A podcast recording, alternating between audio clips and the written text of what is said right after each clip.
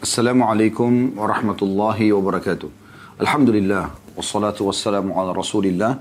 Segala puji dan puja kehadiran Allah subhanahu wa ta'ala juga salawat dan taslim kepada Nabi besar Muhammad sallallahu alaihi wa ala alihi wa sahbihi wasallam.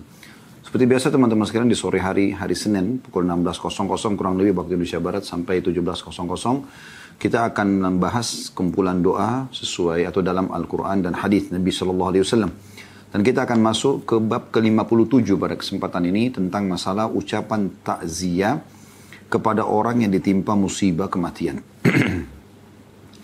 dan takziah ini teman-teman sekalian adalah belasungkawa ya. Bagaimana kita datang ya, kepada keluarga yang sedang ditinggal atau yang sedang bersedih karena ditinggal oleh mayit maka kita bertakziah, kita datang menunjukkan ya, eh, kepedulian kita, lalu kita juga dianjurkan melakukan beberapa hal. Di antaranya adalah mendoakan mereka, mendoakan mereka. Saya akan coba bacakan tulisan Syekh Abdul Hamid bin Abdurrahman As-Suhaibani. Beliau mengatakan tentang masalah takziah ini sebelum kita masuk mempelajari doa-doa kita. Dianjurkan poin pertama untuk takziah atau belasungkawa terhadap keluarga yang tertimpa musibah atau kematian. Lafat takziah yang paling utama yang berasal dari sunnah Nabi Shallallahu Alaihi Wasallam. Jadi kita bukan cuma datang, tapi kita butuh menyampaikan sesuatu yang menghibur mereka, keluarga yang sedang sedih, dan juga kita eh, apa namanya meringankan beban mereka. Maka menghiburnya dengan membacakan doa dan meringankan beban dengan membawakan makanan atau kebutuhan dasar mereka. Ya. Dari Nabi SAW dijelaskan dalam hadis Bukhari Muslim, ini penyebutan beliau ya, Syekh Abdul Hamid bin Abdurrahman As-Suhaibani, adalah sabda Nabi SAW, Isbir wahtasib fa inna lillahi ma akhada walahu ma'ata wa kullu syan indo bi ajalin musamma. Bersabarlah, isbir, wahtasib dan berharaplah balasan pahala karena musibah ini. Fa inna lillahi ma akhad karena sungguhnya hak Allah mengambil apa pun walahu ma'ata dan juga memberikan apa pun wa kullu syai'in indahu bimiqdar wa kullu syai'in indahu bimiqdar dan segala satunya di sisi segala sesuatu di sisinya ada batas waktu yang telah ditentukan. Ya. Wa kullu syai'in indahu bi ajalin musamma. Wa kullu syai'in indahu wa kullu syai'in indahu bi ajalin musamma. Semua di sisi Allah sudah tentukan waktunya. Hadis riwayat Bukhari, Muslim. Nah, di poin pertama penyampaian ya yang disampaikan Syekh Abdul Hamid ini kita hubungkan dengan doa yang kita pelajari dalam buku kita. Jadi diangkat oleh Syekh Sa'ad. Yang berbunyi, Inna lillahi ma akhad anda bisa lihat di halaman 143 ya. Inna lillahi ma akhad. Sesungguhnya milik Allah yang dia ambil. Walahu ma'ata. Milik dia juga apa yang dia beri. Wa kullu syai'in indahu bi ajalin musamma. Ya, semua segala sesuatu di sisinya dibatasi waktu yang telah ditentukan. Fal tasbir wal tahtasib. Hendaklah engkau bersabar dan hendaklah engkau berharap pahala di sisi Allah subhanahu wa ta'ala. Jadi kedua riwayat ini dijelaskan di sini diriwayatkan oleh Imam Bukhari dan Muslim. Dari uh, adab pertama dalam masalah takziah ini adalah bagaimana kita mengucapkan doa ya, dengan niat menghibur. Bersabarlah. Dan perlu kita garis bawahi takziah adalah tujuannya meringankan beban keluarga mayit yang sedang sedih. Garis bawahi poin ini teman-teman sekalian, ini tujuan takziah dan bertakziah bukan untuk si mayit. Mayit itu kita doakan, ya, kita menambah amal-amal soleh dia yang dianjurkan atau yang dibolehkan dalam syariat Allah SWT melalui Nabi Muhammad SAW. Dari pertama dia tutup mata sampai kita tutup mata. Gak ada hubungannya dengan takziahnya. Takziah itu murni yang dianjurkan dalam syariat Nabi SAW adalah tiga hari yang beliau contohkan adalah murni untuk keluarga mayit keluarga mayit yang masih hidup yang kita hibur. Kalau mayit sekali lagi, mulai dia pejamkan mata sampai kita pejamkan mata. Dia wafat dan kita wafat, terus saja kita mendoakan dan menambahkan amal soleh. untuk dia dan tidak ada hubungannya sama si mayit itu. Makanya di sini doa yang dilakukan bukan untuk mayit tapi untuk keluarga mayit. Perhatikan lafadznya kan? Ya. Inna lillahi ma'akhad milik Allah semua yang dia ambil. Walillahi ma'ata milik Allah semua yang dia beri. Wa kullu syai'in indahu bi ajalin musamma. Semua di sisinya sudah ditentukan kadar waktunya. Ya. Fal tasbir wal tahtasib. Maka sabarlah dan berharaplah pahala. Ya, jadi bukan di sini dikatakan semoga Allah mengampuni orang yang matimu dan segala macam gitu ya. Si mayitmu tidak tidak ke situ. Doanya untuk orang yang sedang bersedih ini. Yang kedua kata beliau, tidak selayaknya bertakziah dengan ucapan turut berduka cita di koran, surat kabar, majalah dan media informasi lainnya. Hal itu tidak pantas karena termasuk pemberitahuan kematian dilarang oleh Rasulullah sallallahu alaihi wasallam. Ya. Karena maksud dari takziah tersebut untuk ya, masuk dari takziah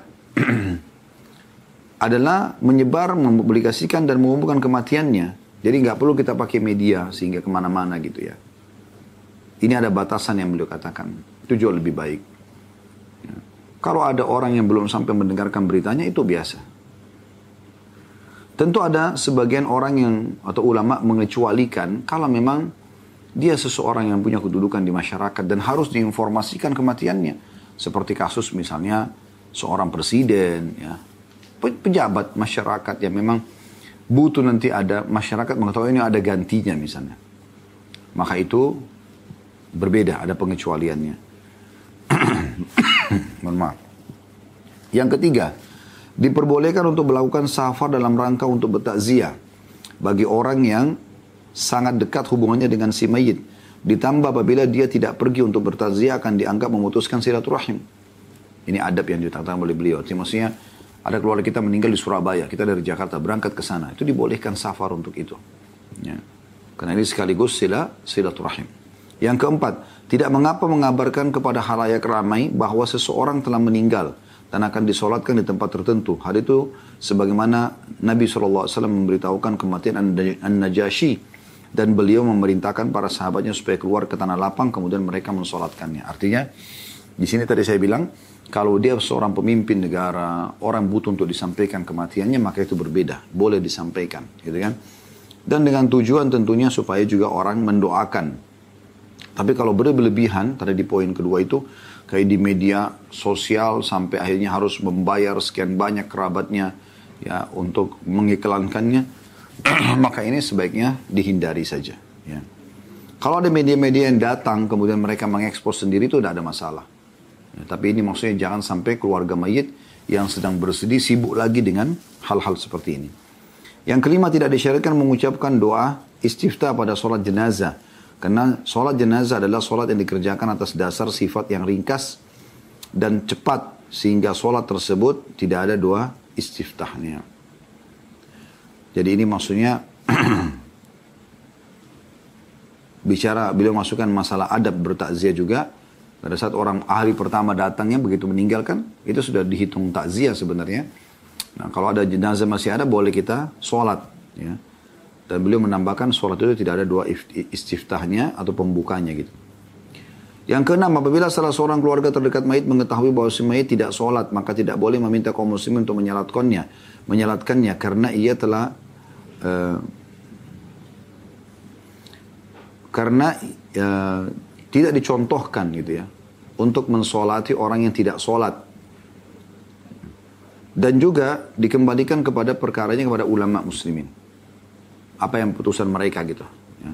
Dilihat orang ini tinggalkan sholat secara bangkang atau dia hanya ya, e, malas-malasan saja. Itu kembali kepada fatwa para ulama apakah boleh disolati atau tidak gitu. Kemudian teman-teman sekalian kita akan masuk ke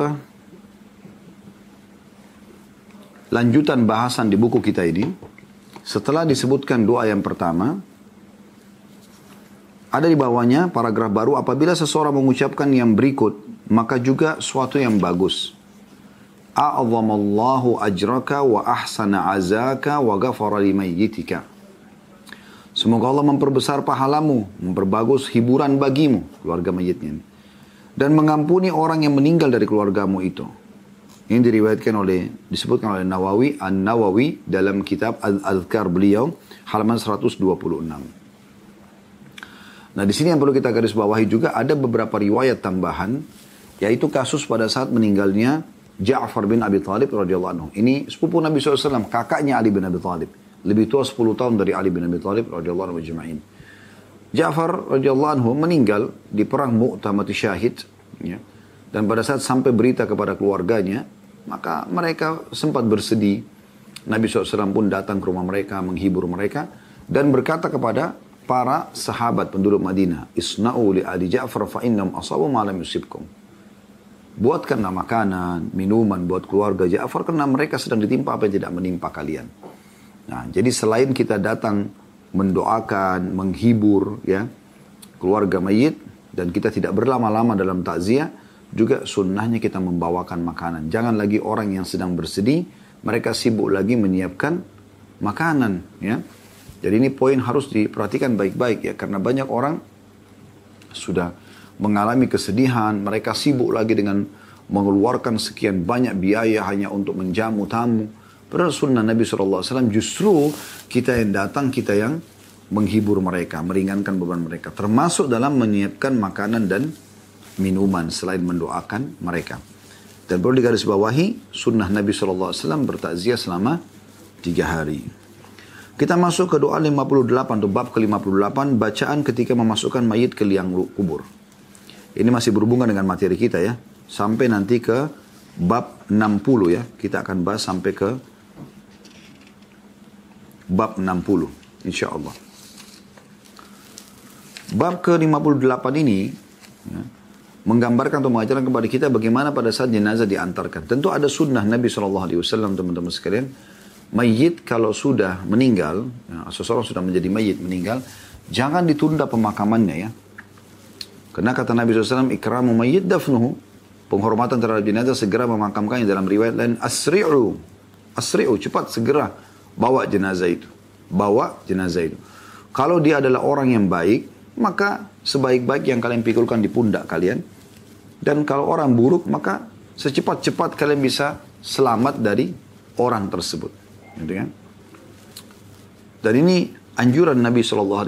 Jadi jangan tunggu dulu anaknya, cucunya datang dari luar negeri. Sehingga akhirnya mayat tersebut tinggal beberapa hari. Ya.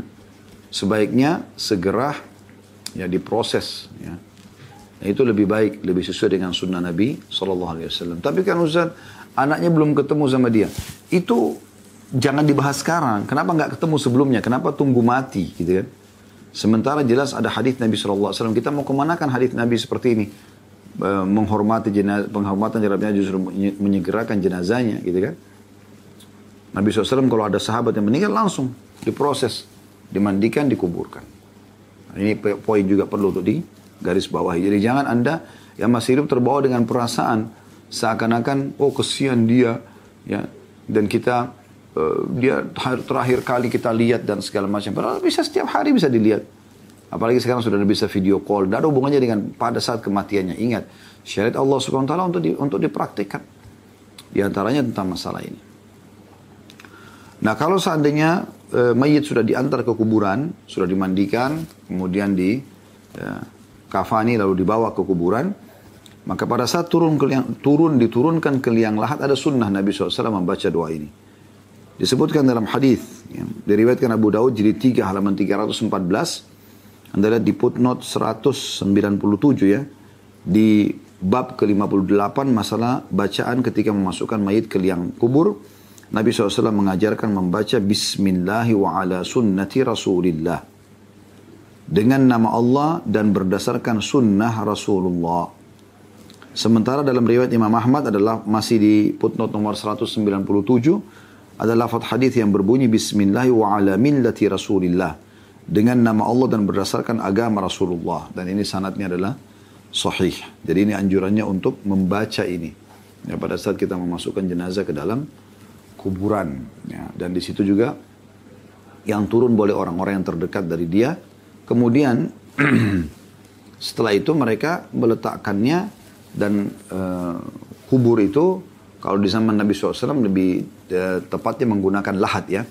Jadi digali dulu, kemudian dibuat lubang. gitu. Ya, nanti mayitnya dimasukkan ke dalam lubang itu. Ya, disampingkan dihadapkan ke kiblat. Ya. Kemudian ditutup dengan gumpalan-gumpalan tanah yang berarti seperti batu. Sudah tertutup mayitnya, ya karena yang di bawah itu jadi tanah dulu lubang, kemudian dilubang lagi ke dalam, ada lubang untuk masuk cukup untuk satu jasad gitu. Dimasukkan nanti ke sana, kemudian ditutup. Ya, setelah ditutup, ya, yang yang menurunkan keluar kemudian ditutup lagi dengan tanah.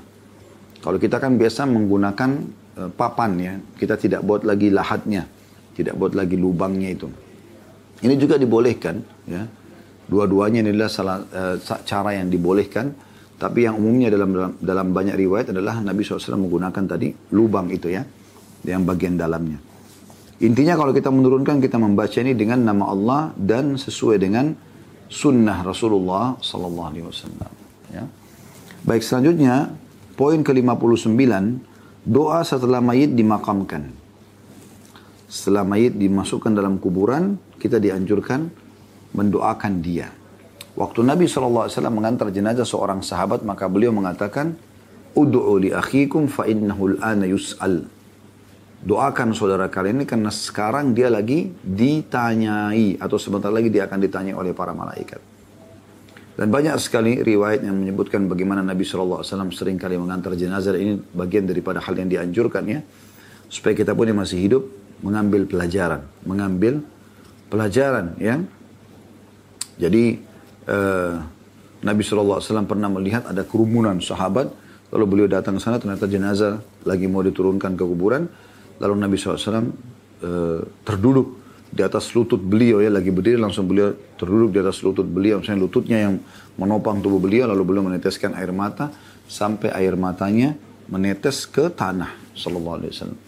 Lalu beliau mengatakan untuk hari seperti inilah kita harus punya persiapan.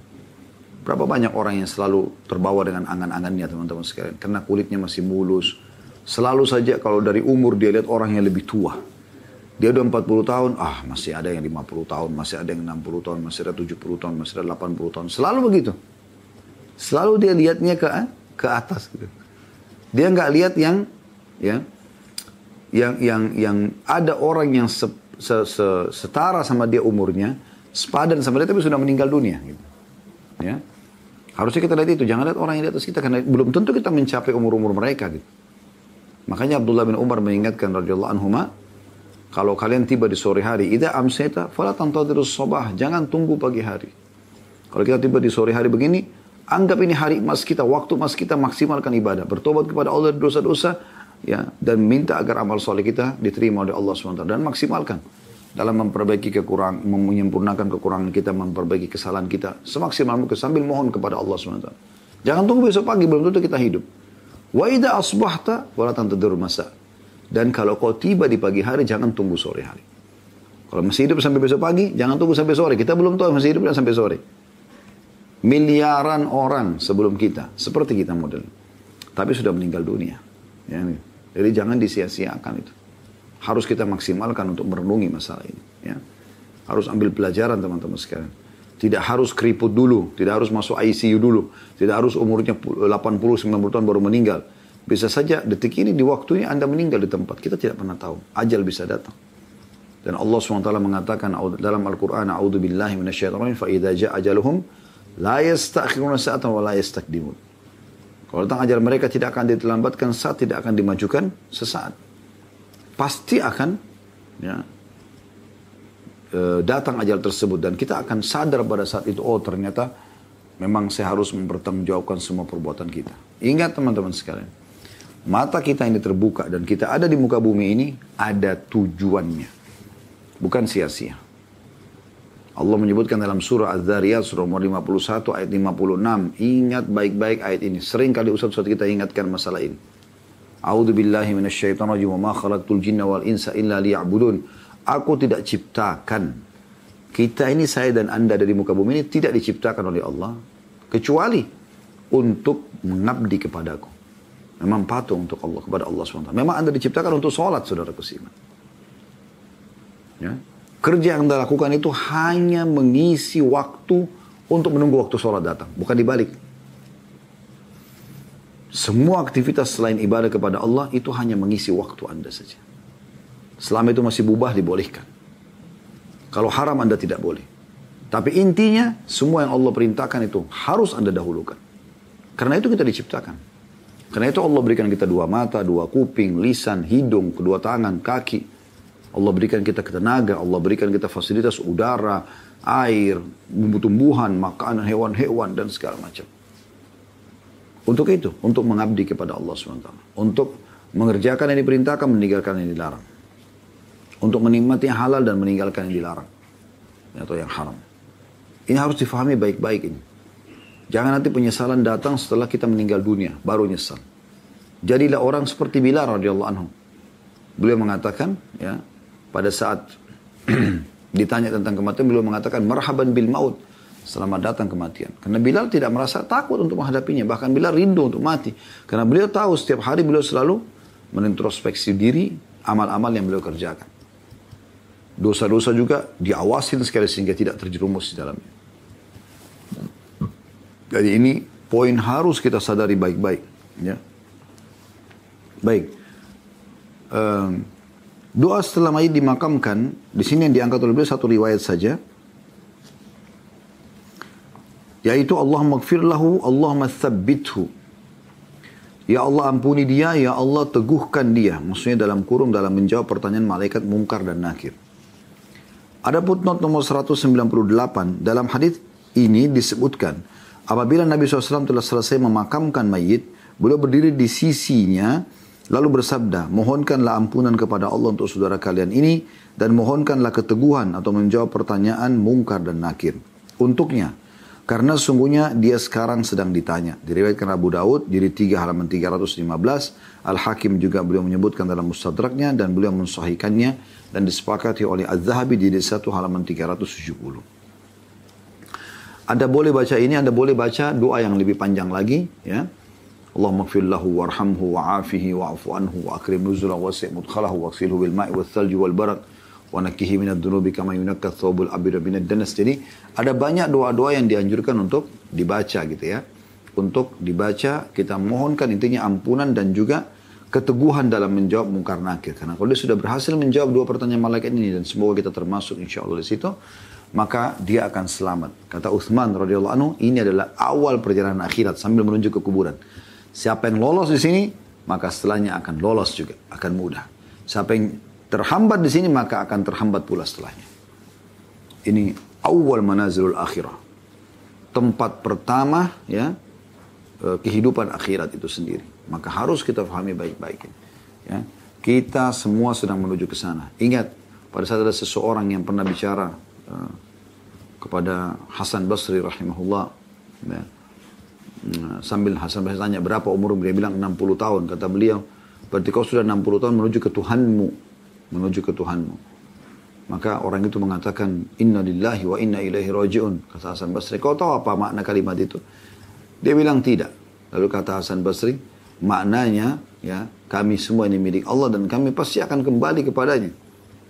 Pasti akan kembali. Ya. Gak mungkin tidak. Dan kalau yang kembali pasti akan bertanggung jawab terhadap apa yang sudah pernah dia lakukan. Maka kata orang tersebut lalu apa solusinya? Apa jalan keluarnya nih sekarang? Sudah terlanjur 60 tahun dan perasaan sepertinya amal masih sedikit. Gitu. Maka kata beliau, eh, kata Hasan Basri mudah.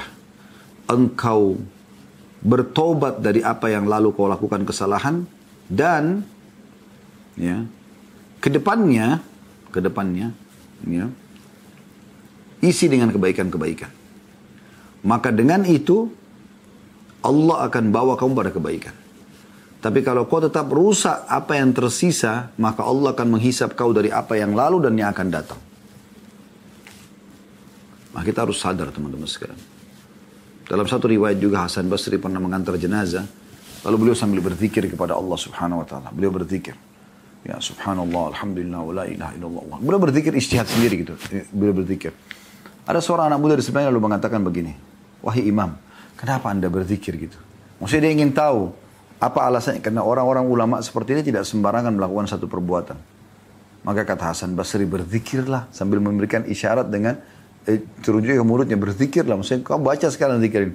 Karena sesungguhnya yang sedang kita antar sudah nggak bisa berzikir. Teman-teman sesali semua waktu-waktu kita yang kita tidak isi dengan amal saleh.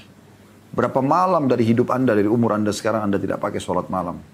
Yang selalu anda bersembunyi di kata-kata, kan cuman sunnah. Nanti besok, hari kiamat kita akan ada penyesalan teman-teman. Kenapa nggak bangun? Ngantuk Ustaz, baik tidur lebih cepat. Saya terbiasa tidur tidur uh, telat. Oke, okay. kalau sudah masuk setengah 12 malam, Anda sudah bisa sholat malam, jam 12 malam. Sholat dulu baru tidur. Kenapa nggak sholat? Berapa hari berlalu tanpa sholat duha? Kenapa nggak sholat duha? Kan cuma sunnah, selalu begitu. Sunnah juga perintah agama.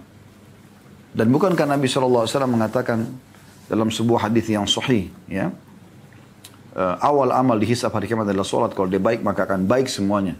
Riwayat lain orang itu akan beruntung. Dan kalau dia buruk maka rugi dia dalam riwayat lain maka mengganggu ibadah yang lain. Harus mulai dari situ. Berapa kali lewat pagi, sore, tidak ada zikirnya. Berapa kali lewat harian Anda tidak baca Al-Quran, walaupun cuma 10 ayat misalnya. Pernah Nabi SAW mengatakan sampai membaca pada malam hari 10 ayat Al-Quran, maka dia akan diberikan satu kintor dan satu kintar itu lebih baik daripada dunia dan seluruh isinya. Anda bisa bayangkan itu. Luput. Berapa hari lewat Anda tidak komunikasi dengan orang tua Anda.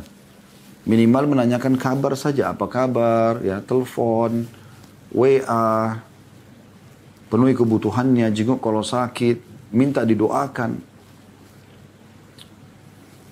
Berapa kali berlalu Anda sia-siakan tetangga bantal Anda sendiri suami bisa dibahagiakan. Membuat senyum aja dia, sudah pahalanya luar biasa. Bahagiakan istri. Anak-anak kita, bahagiakan mereka. Banyak sekali peluang-peluang amal saleh yang bisa Anda lakukan gitu. Di depan mata kita ini, semua kesempatan amal saleh terbuka. Plus lagi, banyak pelanggaran orang yang bisa menjadi ajang pahala juga buat kita. Karena pelanggaran dan kekurangan mereka, kesempatan kita untuk bisa mendoakan minimal ataupun kita menasihati agar dia mengetahui ya mana yang benar, mana yang salah, atau mungkin dia bisa uh, mendapatkan pencerahan kembali setelah dia tahu kalau itu sebenarnya perbuatan baik tapi dia tidak sempat kerjakan. Jadi hati-hati sekali ya. Kita pada saat meninggal dunia teman-teman sekalian pernah Nabi SAW lewati sebuah kuburan. Kemudian beliau mengatakan sambil menunjuk kuburan tersebut, ini kuburan siapa? Ada seseorang sahabat menjawab, kuburan si Fulan bin Fulan gitu. Maka kata Nabi SAW, demi zat yang jiwaku dalam genggamai maksud demi Allah, sungguh dua rakaat sunnah, lebih orang ini cintai daripada dunia dan seluruh isinya. Sekarang kalau disuruh hidup nih, disuruh pilih, kau hidup sekarang, hanya lima menit, apa yang kau pilih? Dia tidak akan lagi berpikir untuk, oh biologis sama istri, biologis sama suami, duduk sama anak-anak, ke restoran favorit, favorit misalnya, kumpul sama teman-teman, kembali ke ruangan kerja, tidak ada lagi.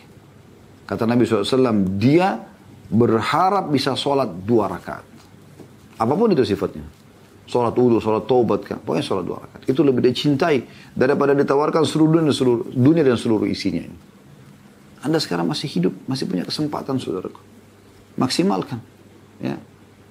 Maksimalkan. Setiap godaan syaitan bisikan, tinggalkan. Ini kalau kita meninggal ada yang mendoakan seperti ini, Alhamdulillah. Ya Allah ampuni dia.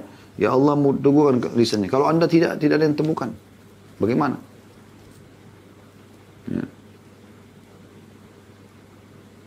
Maka repot sekali gitu. Harus kita punya bekal yang sangat kuat gitu. Bukankah banyak orang yang naik pesawat meledak lalu jatuh nggak ditemukan? Ya kita tidak tahu keluarganya mendoakan atau tidak. Kalau mereka mendoakan berapa banyak doanya.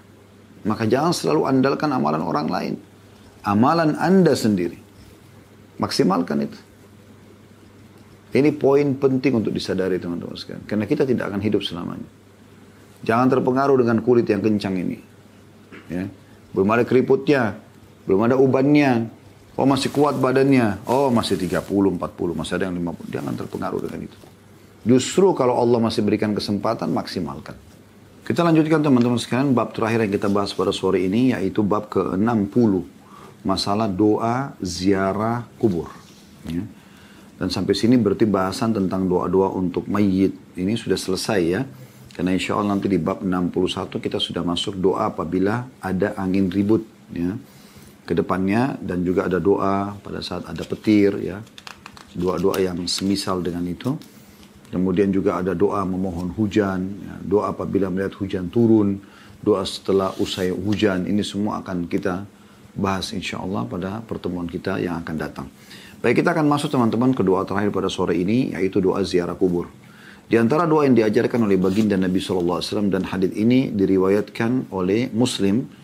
Ada putnot nomor 199 ya.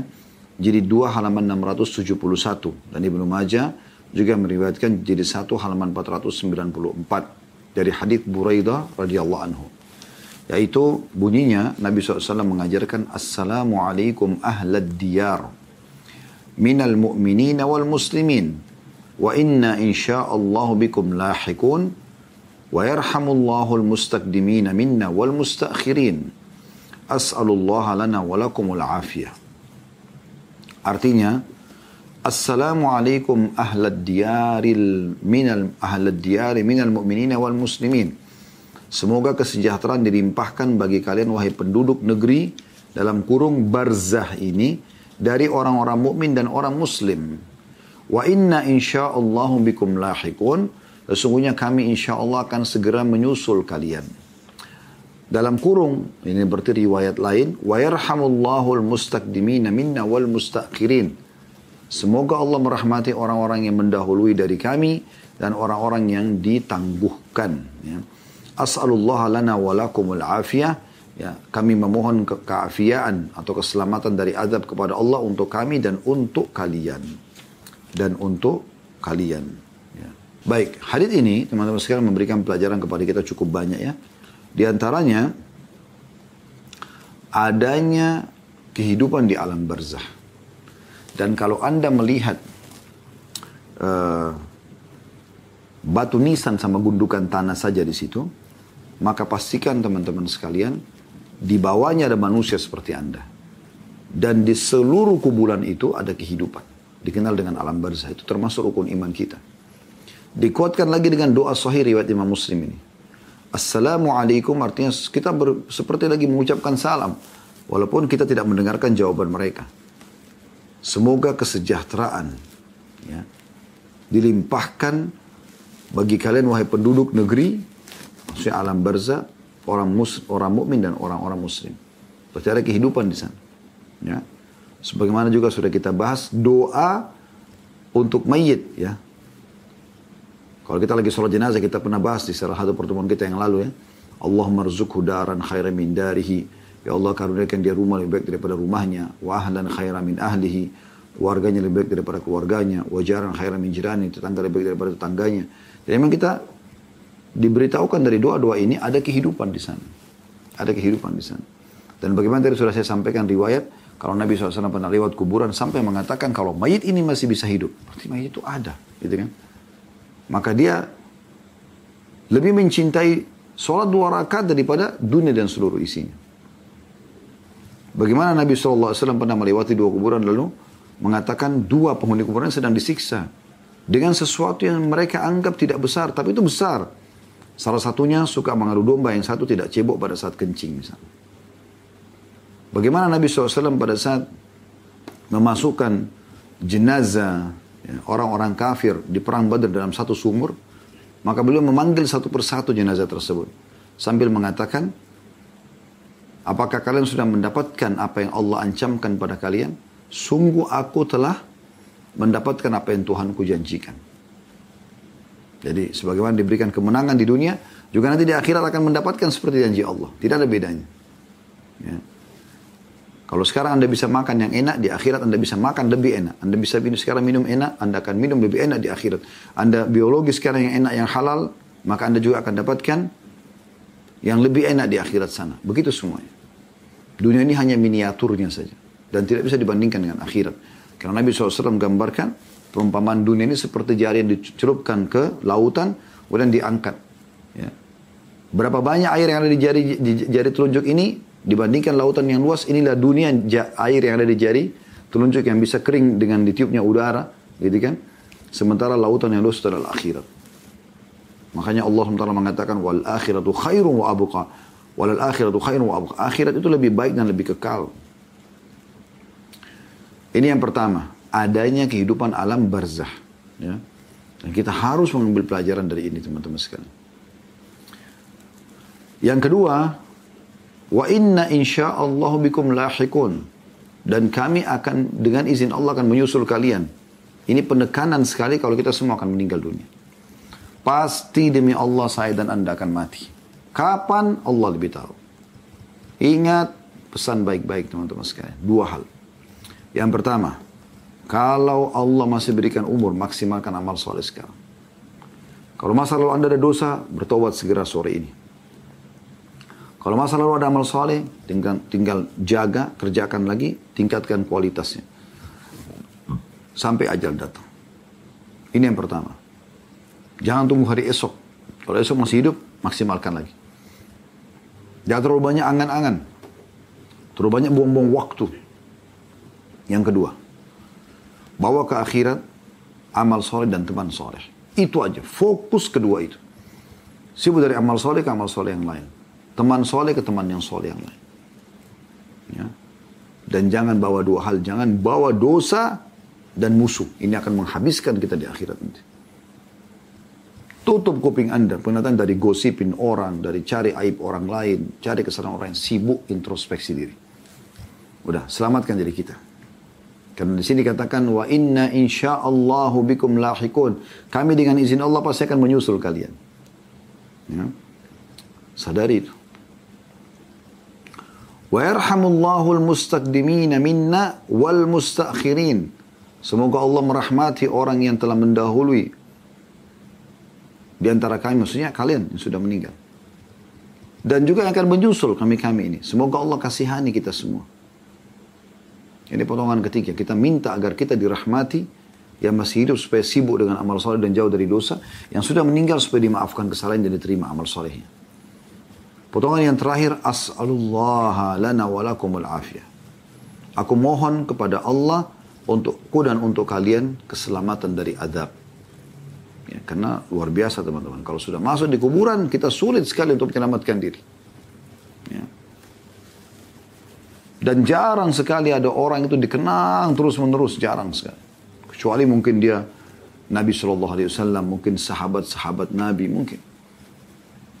Maka bagaimana caranya Anda dari masa hidup ini sudah mempersiapkan itu. Yang terbaik yang Anda bisa. Baik, saya ingin mengingatkan sedikit teman-teman sekalian karena ini bahasan tentang masalah mayit. Nabi SAW mengingatkan kepada kita sebuah hadis riwayat An-Nasai, riwayat Ibn Tirmidzi, Ibnu Majah, Ahmad dan hadis ini dinyatakan hasan sahih. Kata Nabi SAW, "Akthiru dzikra hadimar hadimar ladzat ya. Hadimir ladzat, hadimil hadimil ladzat ya.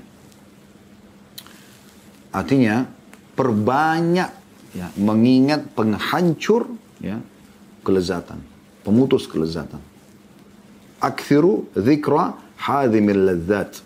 Ya.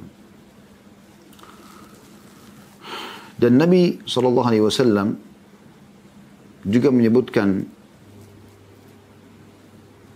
dalam lanjutan hadisnya atau riwayat yang lain, riwayat Ibnu Majah, ma, riwayat Ibnu Hibban dan Al-Baihaqi.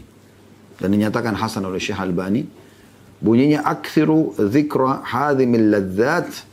Perbanyak mengingat pemutus kelezatan dunia fa innahu ma dzakarahu ahadun fi dhiqin min al-aishi illa wassa'ahu illa wassa'u alaihi. Karena tidak ada orang yang mengingatnya di saat dia lagi uh, sempit hidupnya lagi ada masalah ya kecuali akan melapangkan hidupnya wala fi sa'atin illa dayyakahu alaihi dan tidak ada orang yang lagi lapang kecuali akan mengontrol dia. Itu fungsi dari kematian. Luar biasa gitu. Nabi SAW memuji orang yang suka mengingat kematian ini. Sebagaimana dalam sabda beliau, pada saat ada ya, seseorang dari Ansar mengucapkan salam kepada Nabi SAW lalu berkata, Ya Rasulullah, ayyul mu'minina afdal. Orang mukmin siapa yang paling afdal? Yang bisa jadi panutan, ya Kata Nabi SAW, ahsanuhum khuluqa. Yang paling baik akhlaknya. Qala ayyul mu'minin akyas. Orang itu bertanya lagi, siapa orang mukmin yang paling cerdas? Kata Nabi SAW, Aktharuhum lil mauti dhikra, wa ahsanuhum lima ba'dahu isti'dadan, ulaika al-akyas. Orang mukmin yang paling cerdas adalah yang paling banyak mengingat kematian. Dan paling baik punya persiapan untuk kematian itu. Banyak persiapan dia. Mereka adalah orang-orang yang paling cerdas. Di dalam hadis yang lain Nabi SAW memberikan kepada kita kiat untuk khusyuk dalam sholat dengan mengingat kematian. Kata Nabi SAW dalam hadis riwayat Ad-Dailami dalam Musab, Musnad Al-Firdaus dan dihasankan oleh Syekh Albani. Kata Nabi SAW, Udhkurul mauta, udhkiril, udhkiril mauta. Ya. Udhkuril mauta fi sholatik. Ingatlah mati itu dalam sholatmu. Fa inna rajula idha dhakara al-mauta fi sholatihi Fahariyun an yuhsina salatah. Karena seorang kalau ingat mati dalam solatnya, maka ia akan memperindah solatnya. Dia khawatir kalau setelah salam dia mati. Wa salla salata rajulin salli salata rajulin la yadhunnu annahu yusalli salatan ghairaha. Dan solatlah seperti orang yang menyangka tidak ada lagi solat yang dia bisa kerjakan setelah ini wa iyyaka wa kulla amrin. Ya. Dan hati-hatilah dari perkara yang kelak malah engkau meminta udur atau meralat karena tidak bisa lagi memenuhinya. Ya. Ini peringatan yang luar biasa dari Nabi Shallallahu Alaihi Wasallam dan kita tutup teman-teman sekalian dengan perkataan nasihat para ulama dua buah nasihat. Yang pertama Abu Darda radhiyallahu anhu beliau mengatakan jika mengingat mati maka anggaplah dirimu akan seperti orang-orang yang akan mening yang telah meninggalkanmu. Kamu, kamu ingat mati, bayangkan dirimu seperti orang-orang yang telah mendahuluimu. Karena kamu akan seperti itu. Rabi ibn Huthaim rahimahullah menggali kuburan di belakang rumahnya. Dan beliau sering kali masuk ke dalamnya. Sambil beliau membaca dalam liang lahat di belakang rumahnya itu. Firman Allah SWT dalam surah Al-Mu'minun ayat 99 sampai 100. Rabbir ji'un la'alli a'malu salihan fima tarakt. Nanti ahli neraka akan bilang begitu. Ketika datang kematian, ya, mereka akan mengatakan, ya Tuhanku kembalikanlah aku ke dunia agar aku bisa berbuat amal yang amal soleh yang dulu aku telah tinggalkan. Maka ia pun menangis sambil mengatakan, wahai Robi, mungkinkah engkau kembali jika telah mati? maka beramallah segera.